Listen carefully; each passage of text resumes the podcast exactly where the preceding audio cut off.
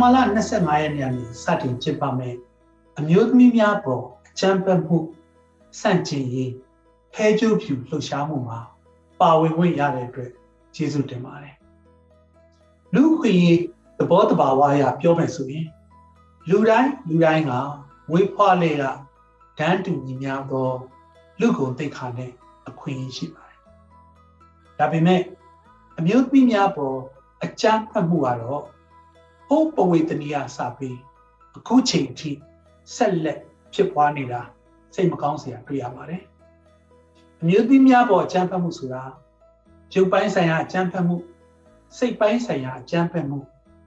လိမ်ပိုင်းဆိုင်ရာအကြမ်းဖက်မှုဆိုပြီးတော့နေရာဒေသအသီးသီးမှာပုံစံအမျိုးမျိုးနဲ့တည်ရှိနေရှိပါတယ်ဘယ်လိုပဲဖြစ်ဖြစ်အမျိုးသမီးများဟာလူသားတွေပဲဖြစ်တဲ့အတွက်ကြောင့်မို့လို့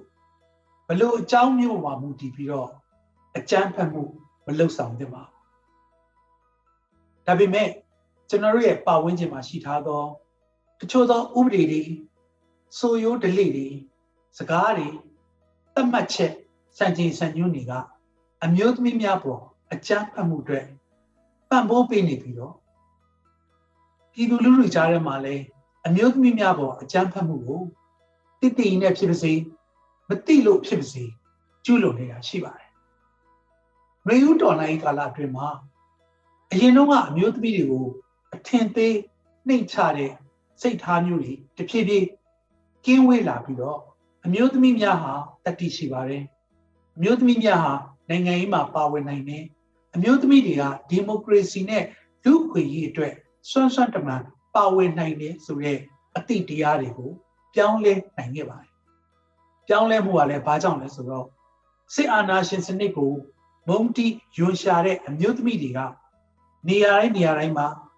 ဆန္ဒပြတဲ့ပုံစံတိုင်းမှာအသွင်မျိုးမျိုးနဲ့ပါဝင်ခဲ့ကြတဲ့အတွက်ဖြစ်တဲ့အတွက်ကြောင့်မို့လို့ပြည်သူလူထုရဲ့အမြင်တွေတဖြည်းဖြည်းနဲ့ပြောင်းလဲလာတာဂုဏ်ယူစရာဖြစ်ပါတယ်ဒါပေမဲ့စစ်ကောင်စီမင်းကတော့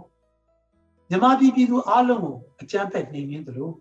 အမျိုးသမီးများပေါ်စိတ်ပိုင်းရုပ်ပိုင်း လိမ်ပိုင်းဆိုင်ရာအကြမ်းဖက်မှုတွေဆက်လက်ကျင်းပနေတော့ပါမယ်။ဖန်ဆီးတဲ့အချိန်မှာအမျိုးသမီးများဖြစ်ပေမဲ့မတရားအတင်းကျပ်ဖန်ဆီးတာစစ်ဆေးနေတဲ့အချိန်ထိမ့်သိမ့်ထားတဲ့အချိန်မှာနှိပ်စက်မှုအမျိုးမျိုးနဲ့ဆက်ဆံတဲ့အပြင်အမျိုးသမီးများဖြစ်တဲ့အတွက်ကြောင့်မလို့ဒါမှမဟုတ်လို့ရှိရင်လိန်စိတ်ခွဲပြသူအမျိုးသမီးရဲ့သူဝတ်စားစေရင်သူများဖြစ်တဲ့အတွက်ကြောင့်မလို့လိမ်မိုင်းဆိုင်ရာ